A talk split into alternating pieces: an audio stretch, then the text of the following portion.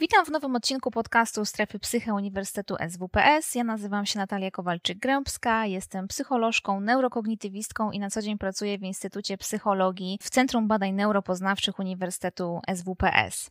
Dzisiejszy tytuł naszego podcastu to Neuronauka i nowe technologie, a świadomość. Jak definiujemy świadomość? Jakie mechanizmy w mózgu generują świadomość? Czy w ogóle świadomość możemy badać? W jaki sposób neuronauka może nam pomóc wyjaśniać zagadkę świadomości?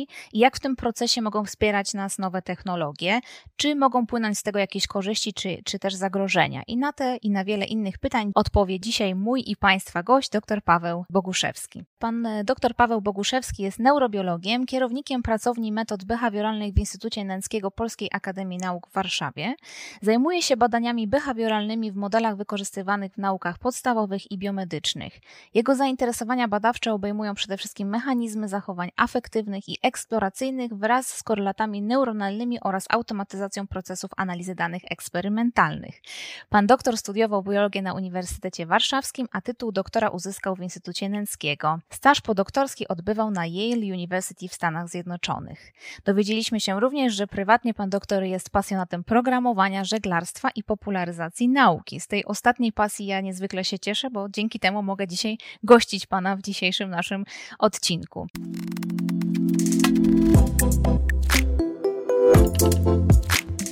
Strefa Psyche Uniwersytetu SWPS. Psychologia bez cenzury.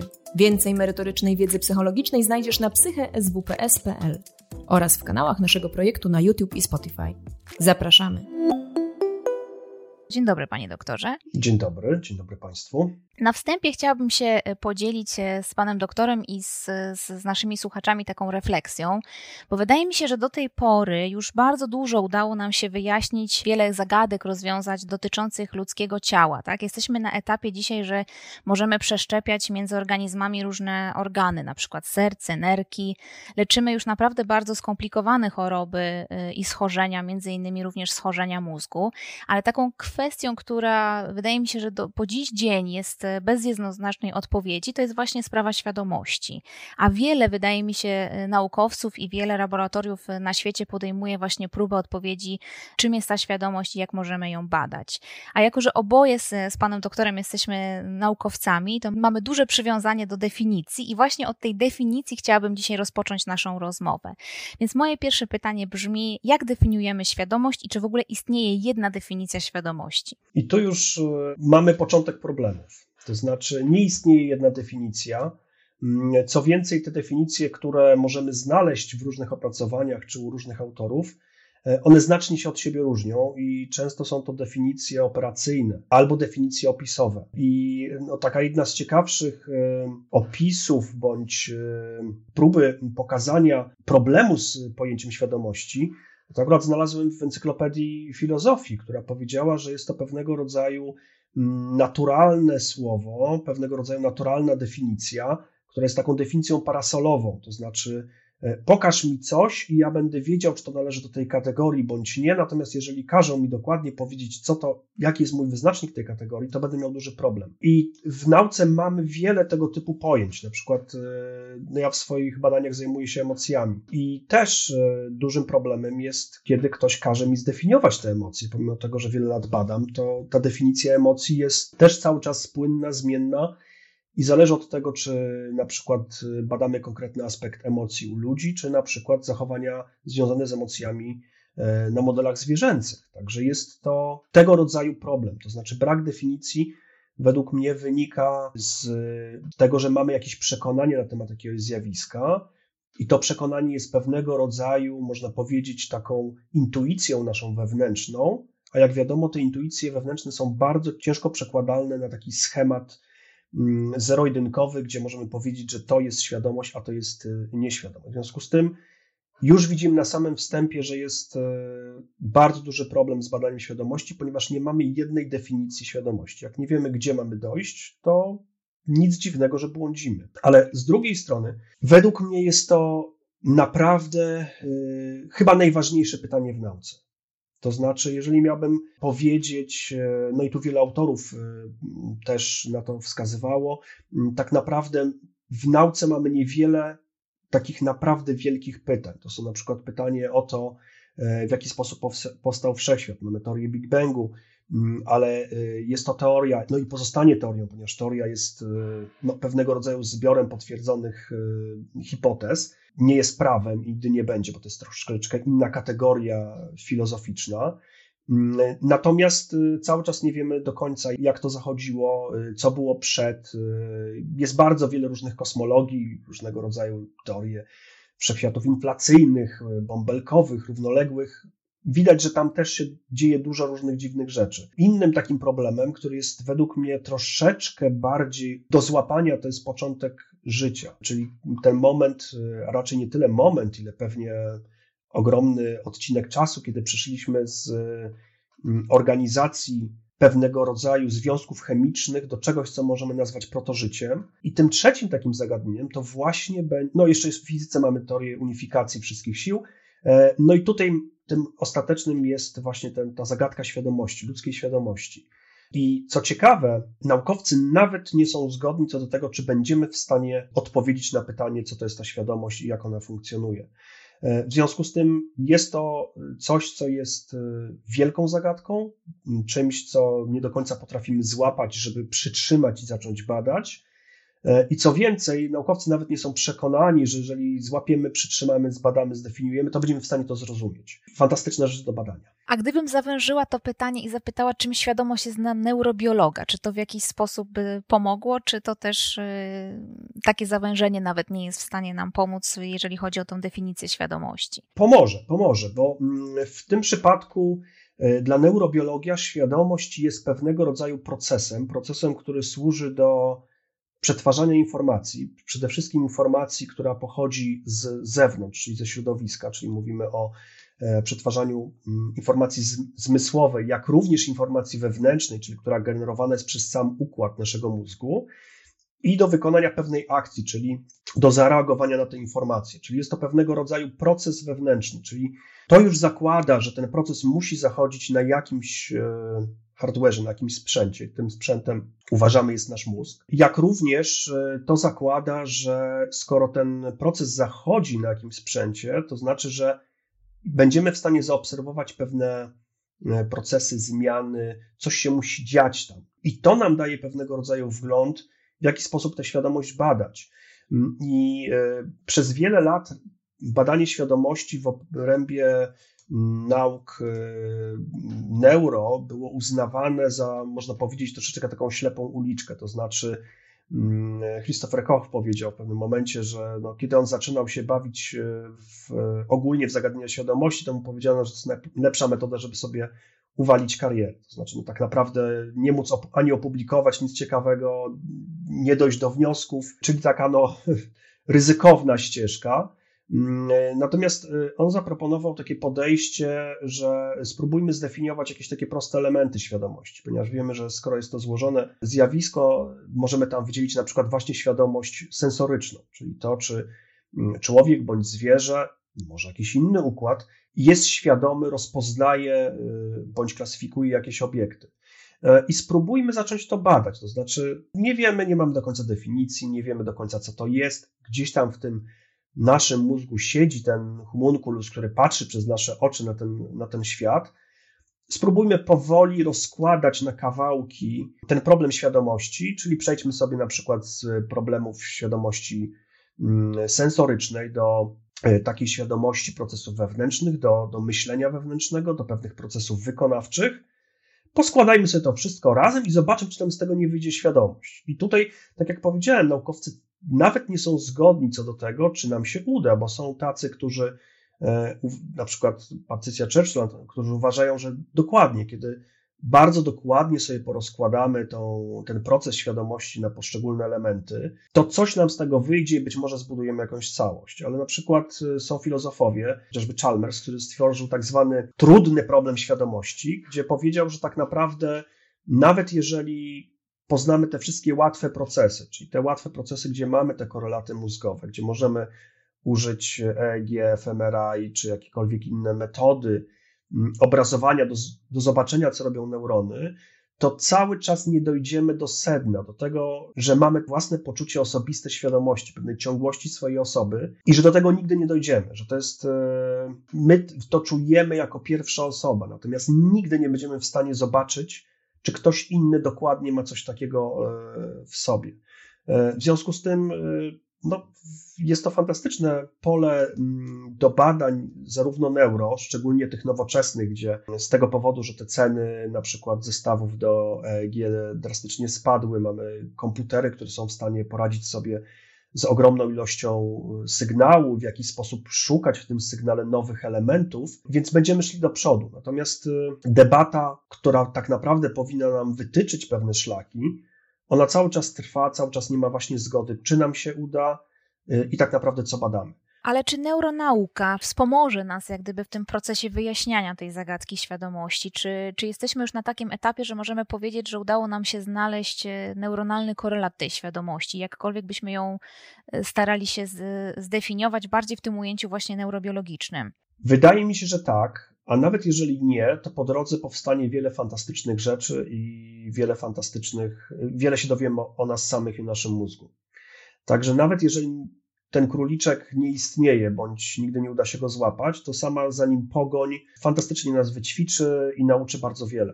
Także tutaj, nawet jeżeli mamy troszeczkę podejście, że próbujemy zbadać jakąś tajemnicę, bądź na przykład no, Daniel Dennett na przykład twierdzi, że w ogóle nie ma czegoś takiego jak pojęcie świadomości, jest to taki sztuczny twór, który sobie wymyśliliśmy i, i tak naprawdę mówmy o jakichś konkretach, więc y, może tego króliczka w ogóle nie ma. E, natomiast neuronauka wydaje mi się jest tym, co nam, jeżeli już miałbym gdzieś postawić jakieś pieniądze na jakiś zakład, co nam powie najwięcej świadomości, to będzie to neuronauka ponieważ e, przyjrzyjmy się historii, ogólnie badaniu pojęcia świadomości. To jest coś, czym się zajmowali starożytni filozofowie. Nie mieli specjalnie dostępu do tej maszynerii, która tworzy świadomość, czyli naszego mózgu. Co więcej, byli tacy, którzy uważali, że w ogóle mózg służy tylko i wyłącznie do chłodzenia naszego ciała. Wszystkie emocje i cały umysł to siedzi w sercu. W związku z tym, no, to już widzimy, że musimy mieć dużą dozę sceptycyzmu co do tego, co oni wymyślili, ponieważ oczywiście oni tworzyli bardzo wiele różnych systemów filozoficznych. E, rozmyślali, czy, czy ta świadomość ma charakter taki tak zwany monistyczny, to znaczy, czy wynika tylko i wyłącznie z materii, bądź tylko i wyłącznie z ducha, a materia jest pewnego rodzaju łudą, którą nasz umysł tworzy jako pewien taki konstrukt, żebyśmy w jakiś sposób funkcjonowali czy jest kartezjański dualizm, to znaczy, że jest materia, do tej materii należy nasze ciało, do tej materii należą wszystkie zwierzęta, ale jest jakiś obszar e, ducha, który jest niepoznany, do którego nie mamy wstępu, który komunikuje się z naszym ciałem poprzez e, szyszynkę i specjalne zawory hydrauliczne w tej szyszynce, co wiemy oczywiście, że jest nieprawdą. Mm, e, natomiast jest pewnego rodzaju czymś, czego nauka nie będzie w stanie dotknąć.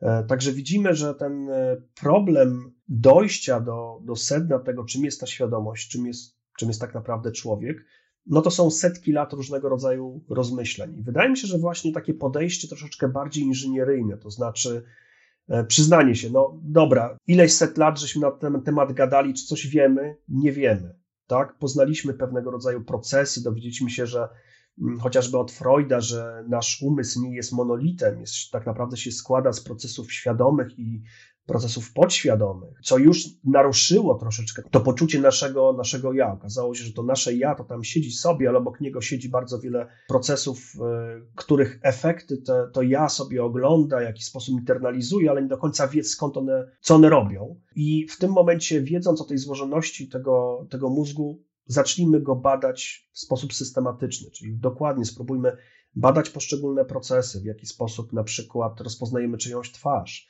e, w jaki sposób rozpozna, uczymy się czytać, w jaki sposób e, podejmujemy decyzje, w jaki sposób e, poznajemy układem wzrokowym to, co nas otacza, dlaczego na przykład czasami nie widzimy bardzo oczywistych elementów, skąd to się bierze jaka jest relacja mm, pomiędzy, no właśnie tym najbardziej, wydaje mi się, najważniejszym tym elementem świadomości, czyli właśnie percepcją, bo jeszcze z jednej strony możemy się za, w ogóle zacząć zastanawiać i wydaje mi się, że jest to takie pole, gdzie mamy do powiedzenia sporo i ze, z punktu widzenia neuronauki i z punktu widzenia filozofii, ale również na przykład biologii ewolucyjnej, skąd się w ogóle wzięła świadomość. Bo być może, jeżeli nie potrafimy złapać tu i teraz tego zjawiska w naszej głowie, to chociażby zobaczmy sobie, co się dzieje w świecie zwierząt. Czy mamy tam jakąś protoświadomość? Jak ona wygląda? Czy jest to pewnego rodzaju proces ciągły? Czy on ma stopnie? A może on ma na przykład zupełnie inną postać u innych gatunków? Mm, także jest to y, takie zjawisko, które możemy badać z bardzo wielu różnych płaszczyzn, ale tak jak powiedziałem, wydaje mi się, że to, gdzie najszybciej uzyskamy najciekawsze odpowiedzi i co nam da dużo ciekawych rozwiązań po drodze, to właśnie będzie neuronauka. Czyli takie bardziej, tak jak mówię, nawet podejście inżynieryjne na zasadzie nie wiem jak to działa, nie rozumiem jak to działa, badajmy, obserwujmy, zbierajmy dane. No i teraz mamy całe na przykład dziedziny y, uczenia maszynowego mm, oparte o sztuczną inteligencję i być może będziemy musieli po prostu powiedzieć tej sztucznej inteligencji weź zobacz, czy coś tam nie znajdziesz ciekawego w tym, w tym sygnale, w tym całym materiale, który żeśmy zebrali. No, w, w, tym roku, nie, nie, to w zeszłym było, y, no mamy fantastyczny przełom w biologii molekularnej, mianowicie właśnie sztuczna inteligencja wygrała konkurs na zwijanie białek. To może się wydawać e, dosyć hermetyczne i, i mało znaczące dla takiego zwykłego zjadacza chleba, ale zostało uznane za jeden z większych przełomów w biologii, ponieważ jednym z większych problemów było to, że mając sekwencję DNA, nie byliśmy w stanie przewidzieć, jak będzie wyglądało białko, ponieważ zwijanie tego białka jest procesem bardzo złożonym i od lat był konkurs, gdzie różnego rodzaju algorytmy przewidywały, w jaki sposób takie, takie białko będzie wyglądało. No i w tym roku właśnie mm, ten sam system oparty na, podobnym, na podobnych zasadach jak e, komputer, który wygrał z człowiekiem w grę Go e, i który wcześniej no, rozsmarował ludzi w szachach, dokładnie złapawszy ten problem go rozwiązał. Więc być może to jest, nawiązując do tego, mm, tej drugiej części naszej rozmowy, być może to jest właśnie droga, że dopiero właśnie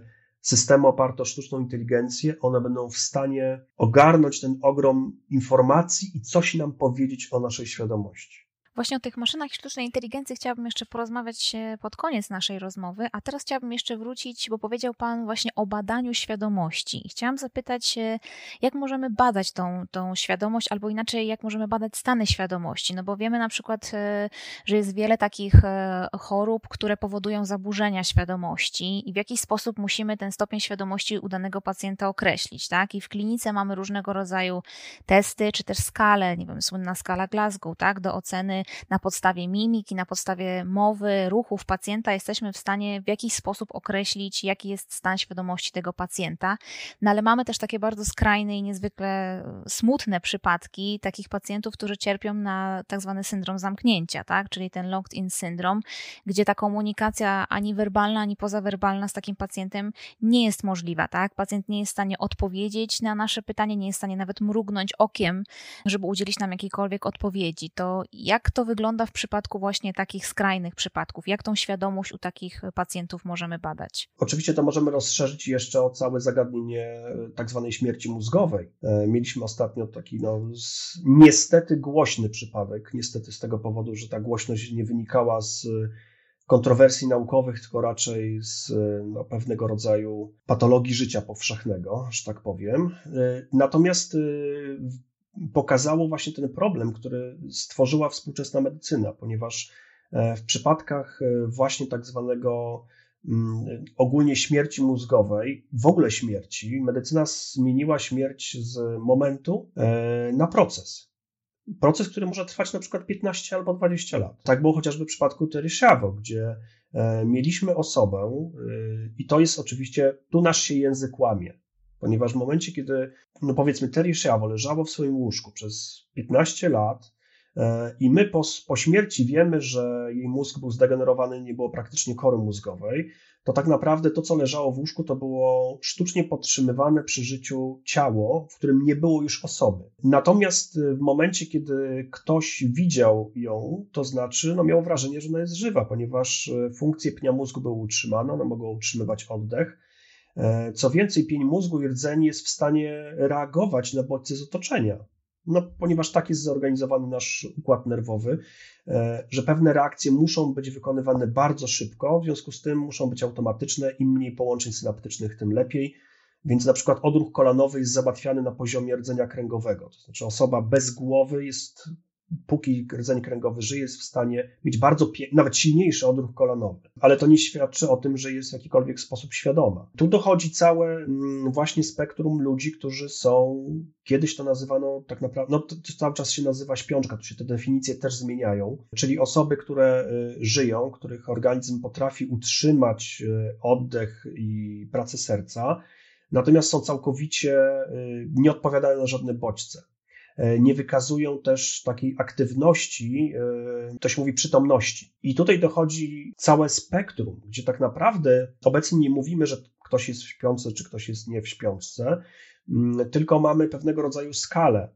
E, skala, która, na której szczycie możemy powiedzieć sobie osoba, która jest super przytomna i świadoma, czyli taka osoba, która na przykład jest, nie wiem, skupiona na swoim zadaniu, czuje, że że żyje, wykonuje coś tu i teraz. No nie wiem, na przykład ktoś, kto, nie wiem, jedzie na przykład na nartach i dokładnie musi bardzo precyzyjnie mm, reagować na wszystkie bodźce, jest świadomy otoczenia, świadomy swojego ciała, e, versus właśnie na samym dole osoba, która jest w stanie głębokiej, e, głębokiej śpiączki.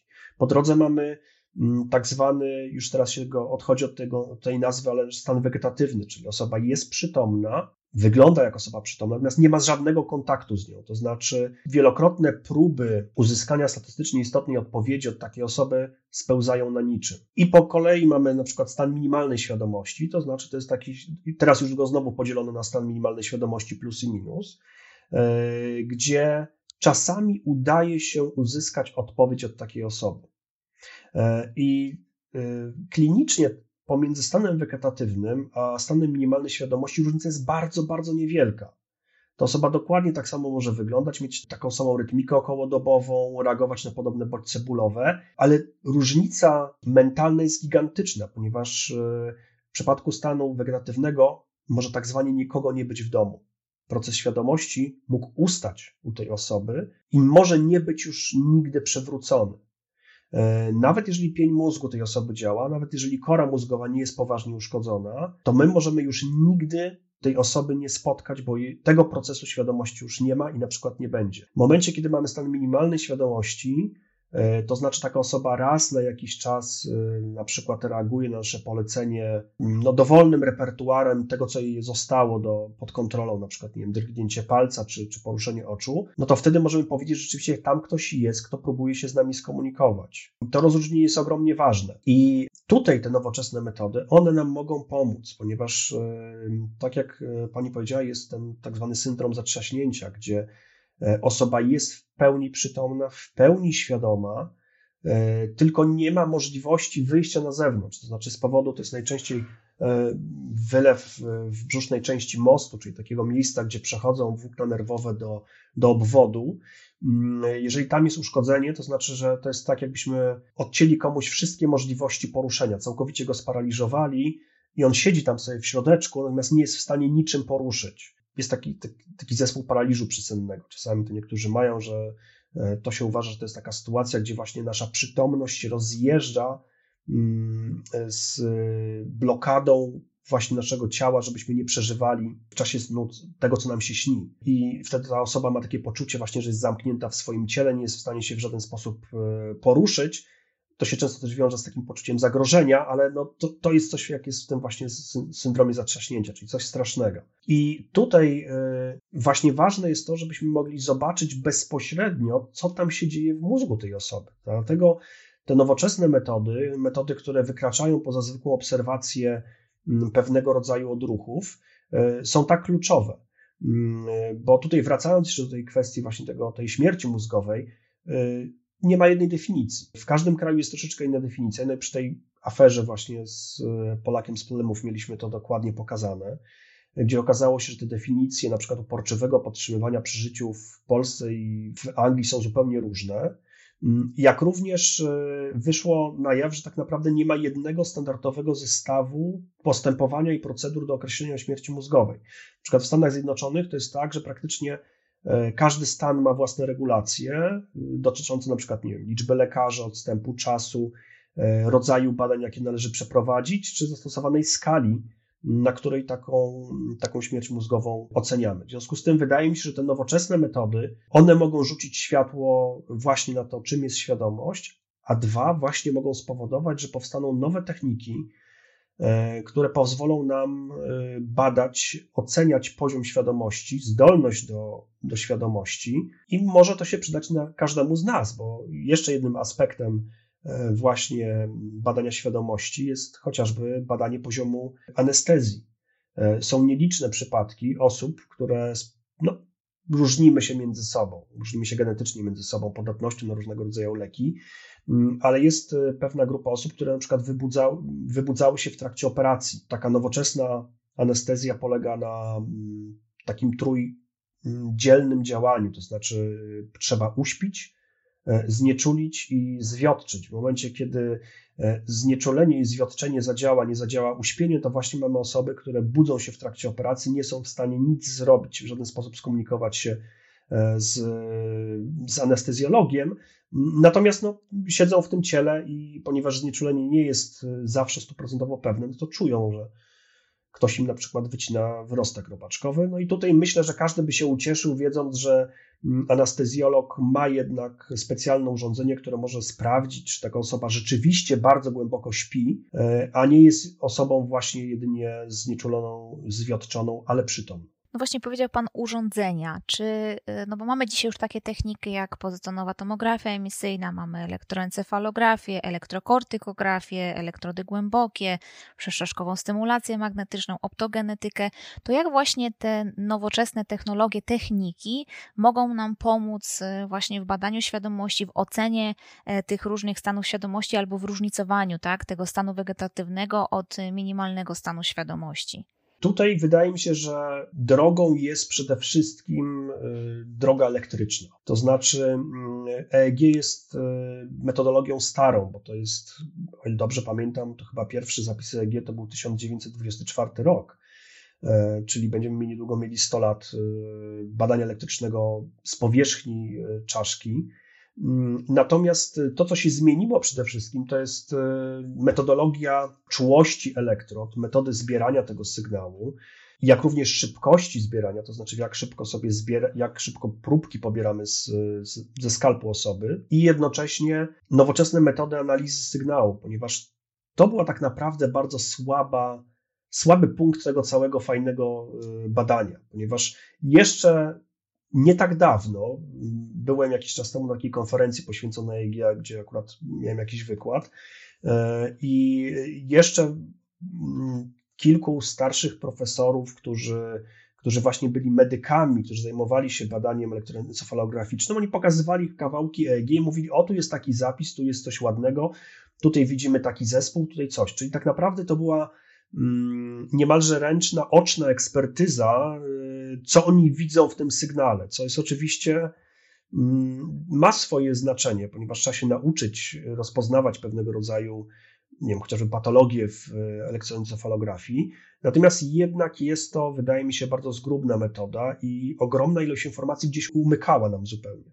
E, w związku z tym, mm, no, doskonałe zestawy, które potrafią za pomocą, nie wiem, 256 elektrod zbierać e, sygnał z bardzo wysoką częstotliwością, ponieważ okazuje się, że E, wcześniej nam się wydawało, żeby zebrać takie te podstawowe pasma typu alfa, beta, gamma, teta, to nie potrzebujemy dużej rozdzielczości czasowej. Teraz się okazuje, że być może e, w procesach związanych ze schizofrenią e, mają znaczenie oscylacje wysokie, w okolicach 30 bądź nawet 100, 100 Hz, czyli tak zwana high gamma. I w tym momencie, a być może jeszcze więcej.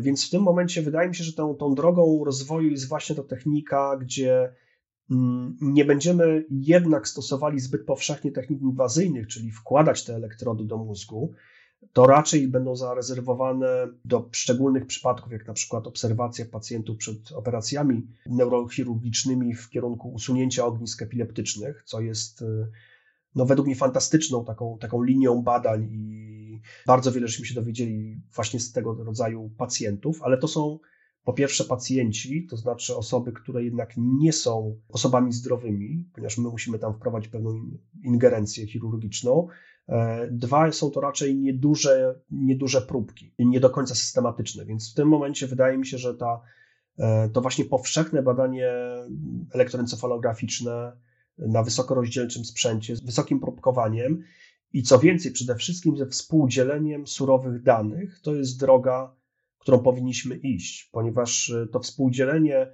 dobrze opisanych, dobrze zebranych danych może spowodować, że zespół, który no, fantastycznie bada, fantastycznie zbiera informacje, może nie mieć tylu genialnych nowych pomysłów, co jakiś inny zespół ludzi, który po prostu użyje tylko tych danych do przeprowadzenia pewnych analiz, do wyciągnięcia pewnej, e, pewnej nowej jakości z, tych, z tego zapisu. I to mi się wydaje, że to jest coś, co nas może pchnąć do przodu. Zresztą nawet właśnie naukowcy, którzy badają świadomość, e, nie tak dawno E, taką publikację właśnie wypuścili, która postuluje zrobienie właśnie takich dużych repozytoriów surowych danych zebranych z EEG właśnie w celu szukania w tym sygnale czegoś, czegoś, co nam może powiedzieć coś na temat świadomości, ponieważ właśnie badając e, to EEG, czy to EEG zupełnie spontaniczne, czy wywołane za pomocą bodźców, czy, czy co jest taką podstawą techniki ZAP-ZIP, wywołany za pomocą właśnie mm, zewnątrzczaszkowego pobudzenia magnetycznego. No, dopiero zebranie ogromnej biblioteki tych danych, przepuszczenie to przez jakiś system analizy danych, być może oparty o sztucznej inteligencji, to być może nam coś powie zupełnie nowego, zupełnie o nas samych. I wydaje mi się, że to jest, e, tak jak powiedziałem, no tak jakbym miał po, po, położyć gdzieś jakieś pieniądze, co nam da najszybszy efekt, to właśnie to będzie ten, ten kierunek, ponieważ inne metody wspomniane, typu na przykład funkcjonalny rezonans magnetyczny, są to metody, które są fantastyczne, mają fantastyczną rozdzielczość przestrzenną, ale niestety z, punktu, z powodu tego, że one badają przepływ krwi, one mają słabą rozdzielczość czasową, czyli właśnie nie są w stanie złapać e, takich reakcji, tego przetwarzania informacji na bieżąco przez układ nerwowy. Bo kojarzę takie badanie właśnie z wykorzystaniem rezonansu magnetycznego, gdzie pacjenta, który nie był w stanie ani komunikować się werbalnie, ani pozawerbalnie, właśnie yy, zbadano z użyciem rezonansu magnetycznego i poproszono go, żeby wyobraził sobie, że wykonuje jakąś czynność, tak? Chyba to była gra w tenisa, tak? No i gdyby autorzy tego badania postulowali, że właśnie no, ta technika też nam pozwala w jakimś stopniu również określić to, czy ten pacjent, yy, który właśnie ma zaburzoną tą komunikację werbalną, pozawerbalną, ma właśnie jakikolwiek stan yy, świadomości. Tak, to była jedna z e, takich właśnie prób. To jest taka też linia e, badań, gdzie próbuje się e, zobaczyć, na przykład, co nam się śni. Japończycy parę lat temu zrobili taką fantastyczną publikację, gdzie nagrywali w skanerze funkcjonalnego rezonansu magnetycznego osoby, które zaczynały zasypiać. W momencie, kiedy one tam przeszły przez parę minut fazy, fazy REM, sygnał był zbierany bardzo precyzyjnie z ich mózgu, następnie szybko je budzono, pytano, co ci się śniło. I potem można było przewidzieć, zobaczyć, co im się śniło na podstawie korelacji pewnych y, aktywności w pewnych obszarach. I jak najbardziej to też jest technika, która będzie nas wspomagała, ale wydaje mi się, że jednak, y, no póki co to wydaje nam się, że jednak cały proces przetwarzania informacji jest głównie oparty na impulsach elektrycznych, które przekazują pomiędzy sobą y, neurony. To, co widzimy w EEG, to jest oczywiście taka, taki zbiorczy harmider tych wszystkich y, impulsów, pojedynczych impulsów, więc tak naprawdę prawdziwym wejściem do mózgu to jest sytuacja, gdybyśmy mogli podsłuchiwać te kilka miliardów neuronów naraz, jednocześnie, co więcej, to nie tylko podsłuchiwać, co te neurony wysyłają pomiędzy sobą, czyli potencjały czynnościowe, ale przede wszystkim podsłuchiwać, co na jednym neuronie się dzieje. Neuron mm, zbiera potencjały, tak zwane potencjały posynaptyczne. Ich może być kilkaset, nawet kilka tysięcy, jak nie set tysięcy. Są takie neurony, które znaleziono u myszy, które dendryty, czyli właśnie zbiera informacje, czyli fragmenty zbierające informacje oplatają cały mózg. Właśnie w takiej strukturze zwanej mm, przedmurzem, która się obecnie uważa, że być może jest pewnego rodzaju przełącznikiem naszej świadomości i te dendryty pewnie zbierają no, nawet z milionów komórek informacje e, i te, być najfajniej, jakbyśmy mogli podglądać właśnie, co się dzieje na poziomie pojedynczego neuronu elektrycznie, ze szczegółami w jego różnego rodzaju miejscach, i tych neuronów jeszcze, żeby było kilka miliardów. To jest póki co całkowicie niewykonalne, to znaczy nie jesteśmy w stanie tego zrobić na poziomie poszczególnych dendrytów, czyli jednej komórki, to możemy podglądać dosłownie kilka, kilkanaście komórek. No teraz są nowe metody, gdzie y, robi się różnego rodzaju na dużo prostszych organizmach, organizmy modyfikowane genetycznie, gdzie na przykład jesteśmy w stanie wymusić y, fluorescencję na neuronach i rzeczywiście możemy za pomocą światła pod podejrzeć e, za pomocą specjalnych takich e, mikroskopów opartych o tak zwaną e, płaszczyznę światła, to znaczy jakby skanować sobie cały mózg takiego organizmu, na przykład daniopręgowanego i podglądać w trybie rzeczywistym właśnie aktywność setek tysięcy komórek i dokładnie co się na nich dzieje. No ale to jest no, organizm prosty, do tego to jest jeszcze w stadium larwalnym, żeby był przeźroczysty, więc to nie jest technika, którą będziemy w stanie zastosować e, u ludzi. Natomiast e, to jest to, co byśmy chcieli mieć, czyli podgląd pod aktywność pojedynczych komórek w dużych ilościach. No nie będziemy tego mieli. Tutaj najbliższym takim mm, urządzeniem, które się do tego zbliża, to są urządzenia typu BrainGate. Są takie urządzenia, które tworzy się w celu możliwości połączenia mózgu z komputerem, czyli żeby osoba, na przykład całkowicie sparaliżowana, była w stanie czymś poruszyć. To na przykład było zastosowane do tych pacjentów z syndromem zamknięcia. Chyba pierwszy BrainGate, który chyba bodajże 8 czy 10 lat temu był zastosowany, to właśnie dwu, dwoje pacjentów to były osoby z syndromem e, zamknięcia. I to urządzenie polega na tym, że właśnie do kory przedruchowej, czyli kory, która przygotowuje nas do wykonania ruchu, która myśli, jak coś poruszyć, to jest ten obszar kory, który jest aktywny, jak na przykład sobie siedzimy w fotelu, myślimy, jakbyśmy wykonali pewne ruchy. Na przykład y, dokładnie ten, ta sytuacja z, tym, z tą grą w tenisa, kiedy sobie zaczynamy rozmyślać, w jaki sposób zaserwować, ale siedzimy w fotelu, to jest dokładnie kora przedruchowa, która o tym myśli. I e, wprowadzone elektrody do tej, do tej kory potrafią zobaczyć aktywność neuronów, które myślą o ruchu, mm, i odpowiedni algorytm nauczony y, z komputera potrafi y, przełożyć to na ruchy. Na przykład właśnie ten BrainGate był użyty do tego, że osoba sparaliżowana była w stanie poruszyć e, kursorem na ekranie. Jedna z kobiet, która była w tych, w tych eksperymentach, mogła poruszyć ramieniem robota, podać sobie coś do picia. E, I też był jeden taki z projektów, gdzie młody człowiek, który utracił w wyniku uszkodzenia rdzenia kręgowego precyzję ruchów w kończynach górnych, miał to urządzenie podczepione pod własne mięśnie, czyli jak gdyby E, zrobiono pewnego rodzaju bypass, to znaczy skoro impulsy nerwowe, skory motoryczne nie są w stanie przejść do rdzenia, to oni je puścili e, z kory poprzez komputer do mięśni i okazało się, że on był w stanie coś poruszyć. No to jest też urządzenie, którym się zajmuje obecnie Elon Musk, czyli ten Neuralink. Tylko, że tutaj trzeba zawsze pamiętać, że jest to urządzenie, które jest wszczepiane chirurgicznie bezpośrednio do kory mózgowej, czyli no, na skali inwazyjności bym to dał jako 9 na 10 wysokie. No właśnie taki temat jeszcze na koniec y, dosyć kontrowersyjny, y, właśnie samoświadomość maszyn i sztuczna inteligencja, bo coraz częściej y, czytam takie medialne doniesienia o takich bardzo no, odważnych tytułach, bym powiedziała, że robot przeszedł test świadomości. Tak? No nie da się ukryć na pewno, że, że naukowcy pracują nad usprawnianiem różnych funkcji, e, właśnie tych różnych robotów, różnych e, bardzo skomplikowanych maszyn. No i to, co starają się wprowadzić, to to, żeby te maszyny mogły we własnym zakresie mm, jak najlepiej regulować i usprawniać tą swoją, e, tą swoją pracę. Ale czy dzisiaj możemy powiedzieć, że rzeczywiście robot jest w stanie przejść test świadomości? I tutaj wracamy tak naprawdę do pierwszego problemu. To znaczy, w momencie, kiedy nie mamy definicji świadomości, to jak możemy testować? To jest, to jest właśnie ten największy problem, bo teraz nawet zaczynając od problemu filozoficznego, skąd ja mogę wiedzieć, że ktokolwiek inny poza mną jest świadomy? Nie mogę w żaden sposób. To jest właśnie ten twardy problem świadomości. To, że ja czuję, że sobie siedzę z własnymi oczkami, patrzę sobie na świat y, i decyduję sam o sobie, y, jest to pewnego rodzaju wrażenie subiektywne i nawet jeżeli znam kogoś dobrze, to nigdy nie mogę mieć pewności, że tam ktoś jest, że to nie jest całkowicie doskonale, fantastycznie zaprojektowany robot bądź żywy biologiczny robot, czyli takie zombie, tak? Czyli ktoś, kto mm, działa, funkcjonuje, mówi, odpowiada. Mogę zapytać go o jego historię życia, ma gdzieś tam wdrukowaną pamięć swojego życia i zaczyna odpowiadać e, z, całkiem nieźle na moje pytania. Mm, I w tym momencie, skąd ja mogę wiedzieć, że tam jest świadomość? Tak samo w przypadku zwierząt. Skąd my możemy wiedzieć, że tam jest pewnego rodzaju rodzaj właśnie procesu, który jest procesem e, świadomości? To jest ten problem, który powoduje, że test na świadomość obecnie jest tak naprawdę niemożliwy. To, co możemy e, robić, to jest ten słynny test Turinga, gdzie Turing założył, że jeżeli będziemy mieli jakąś maszynę, zadajemy tej maszynie pytania i jednocześnie te same pytania zadajemy żywemu człowiekowi. Oczywiście nie pytamy, nie wiem, tam o, kto był twoją mamą czy tatą, no bo to są nieodpowiednie pytania dla maszyny, tak?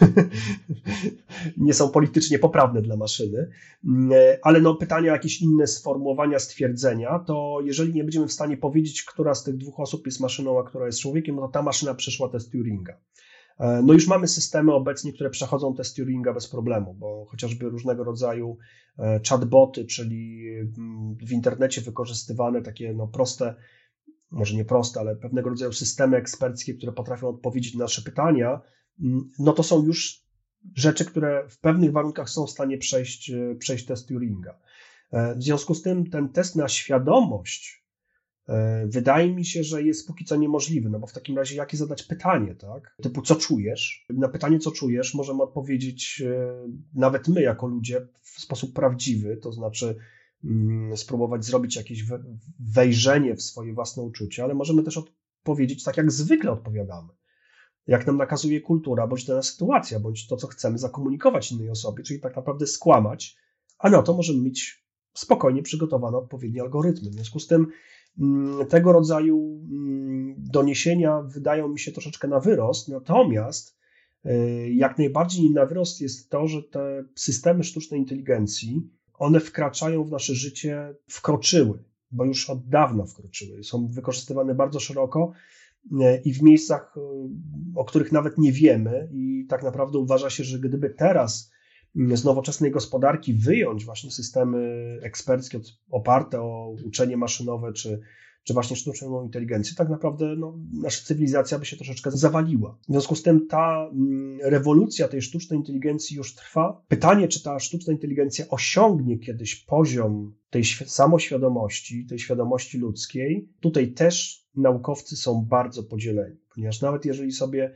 mm, popatrzymy na takie mm, główne teorie właśnie świadomości. To są takie teoria, jedna to jest teoria zintegrowanej informacji, która twierdzi, że, że raczej nie, to znaczy, że świadomość jest tworzona przez twór fizyczny i na tym tworze fizycznym oparta i tak naprawdę rodzaj świadomości, który mamy, każdy ma trochę inny. E, jak połączymy sobie dwa mózgi, ta świadomość będzie zupełnie inna i to, to nie będą dwie świadomości, tylko znikną te dwie i nagle pojawi się jedna wspólna. Taki do, eksperyment myślowy, gdzie jeżeli łączymy sobie dwa mózgi, na przykład za pomocą prostego połączenia, no teraz mamy dwa mózgi połączone za pomocą kanału rozmowy werbalnej, tak? Natomiast y, jeżeli byśmy sobie połączyli nasze układy wzrokowe, a połączyli sobie jeszcze więcej tych układów, to nagle by się okazało, ta teoria zakłada, że nagle te dwie świadomości by się rozmyły, zniknęły, pojawiła się jedna wspólna. Zresztą taki przypadek jest, ponieważ y, jest badany przypadek takich bliźniaczek y, siamskich, które są połączone za pomocą podwzgórza. To jest oczywiście przypadek dosyć, no, bardzo szczególny, natomiast y, no, ciekawe jest to, że pomimo dwóch osobowości, te dziewczynki widzą wzajemnie to, co, jedna widzi to, co widzi druga. To jest no, zadziwiający przypadek, i, ale no, też trzeba pamiętać, że to jest przypadek jednostkowy. Natomiast y, są też teorie, które mówią mm, o tak zwanej teoria przestrzeni roboczej, to się tak nazywa, która zakłada, że tak naprawdę świadomość jest procesem obliczeniowym, czego przeprowadzę w komputerze, czego przeprowadzę w mózgu, czego przeprowadzę w sztucznym mózgu, nie ma znaczenia. Zawsze powstanie, więc tak naprawdę takie dwie główne teorie, które ze sobą może nie tyle konkurują, ile no, istnieją na, na rynku teorii świadomości. Jedna zakłada, że będziemy mieli sztuczną inteligencję, a druga zakłada, że jej nie będziemy mieli. W związku z tym Y, jako naukowiec zawieszam swoją, swoje zdanie i będę czekał na wynik. Już tak na sam koniec, bo bardzo dużo mówiliśmy o korzyściach y, płynących z wykorzystania tych wszystkich y, dobrodziejstw technologicznych, tych wszystkich technik nowoczesnych, też neuronaukowych, jeżeli chodzi o badania świadomości. A czy widzi Pan jakiekolwiek zagrożenia z tego płynące właśnie z wykorzystaniem tych wszystkich technologii, jeżeli chodzi o pojęcie i badanie świadomości? Wydaje mi się, że akurat y, no, zagrożeń specjalnie nie widzę. To znaczy, to jest akurat w miarę bezpieczna dziedzina, ponieważ y, to, co nam może dać, czyli możliwość pomiaru poziomu świadomości u pacjentów, z którymi możemy się skomunikować, możliwość komunikacji z świadomymi pacjentami w zespole zamknięcia, możliwość właśnie zbudowania interfejsów mózg-komputer, gdzie będziemy w stanie w jakiś sposób w przypadkach drastycznych komunikować się ze światem zewnętrznym, jak również no, metody na przykład lepszej takiej podtrzymywania życia, to znaczy w, w, sytuacjach, kiedy pacjent jest całkowicie, no nie wiem, na długi czas po, po, po udarze, czy na przykład po zawale serca, i będziemy w stanie przywrócić funkcję jego, jego, mózg, jego tkance mózgowej, być może też będziemy w stanie przywrócić właśnie proces świadomości.